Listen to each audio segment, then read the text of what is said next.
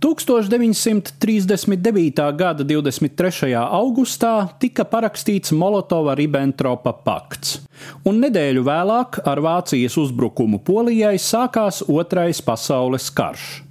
Sarkanā armija, kā zināms, septembra vidū iebruka Polijā no austrumiem, un 22. septembrī notika bēdīgi slavenā Wehrmachta un Sarkanarmijas daļu kopīgā parāde Brest-Litovskā, kuru pieņēma ģenerālis Guderiāns un Kombriks Krivošeins.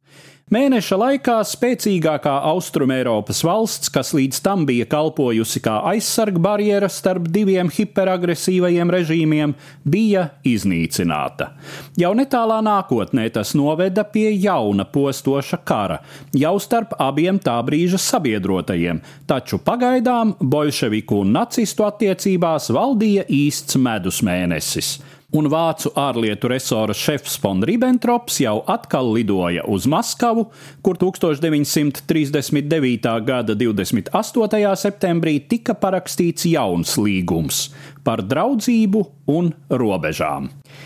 PSRS un Vācijas valdības pēc bijušās Polijas valsts sabrukuma uzlūko kā tikai un vienīgi savu uzdevumu atjaunot mieru un kārtību šajā teritorijā un nodrošināt tur dzīvojošajām tautām mierīgu pastāvēšanu, kas atbilstu to nacionālajām īpatnībām.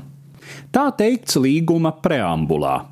Agresoru traktējumā Polijas valsts sabrukums šķiet kā kaut kas pats par sevi noticis. Zemtekstā pati šī valsts pastāvēšana tiek uzlūkota kā vēsturisks pārpratums.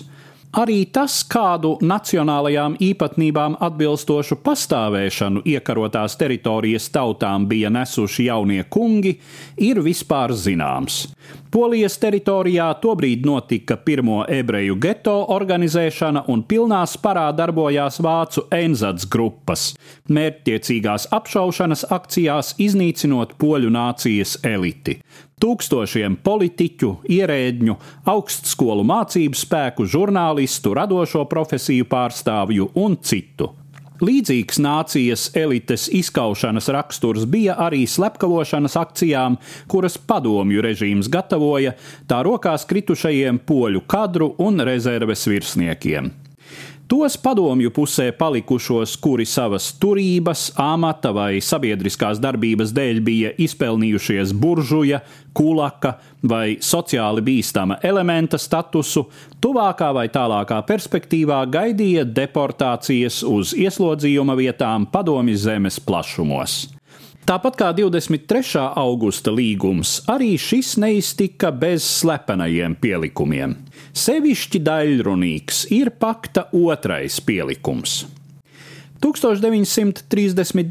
gada 23. augustā parakstītais slepenais papildu protokols labojams tā pirmajā punktā, atspoguļojot faktu, ka Lietuvas teritorija ir pārgājusi PSRS interešu sfērā, kamēr no otras puses Ljubljanas vojvodiste un daļa Varšavas vojvodistes pārgājušas Vācijas interešu sfērā. Skatīt šodien parakstītajam līgumam pievienoto karti.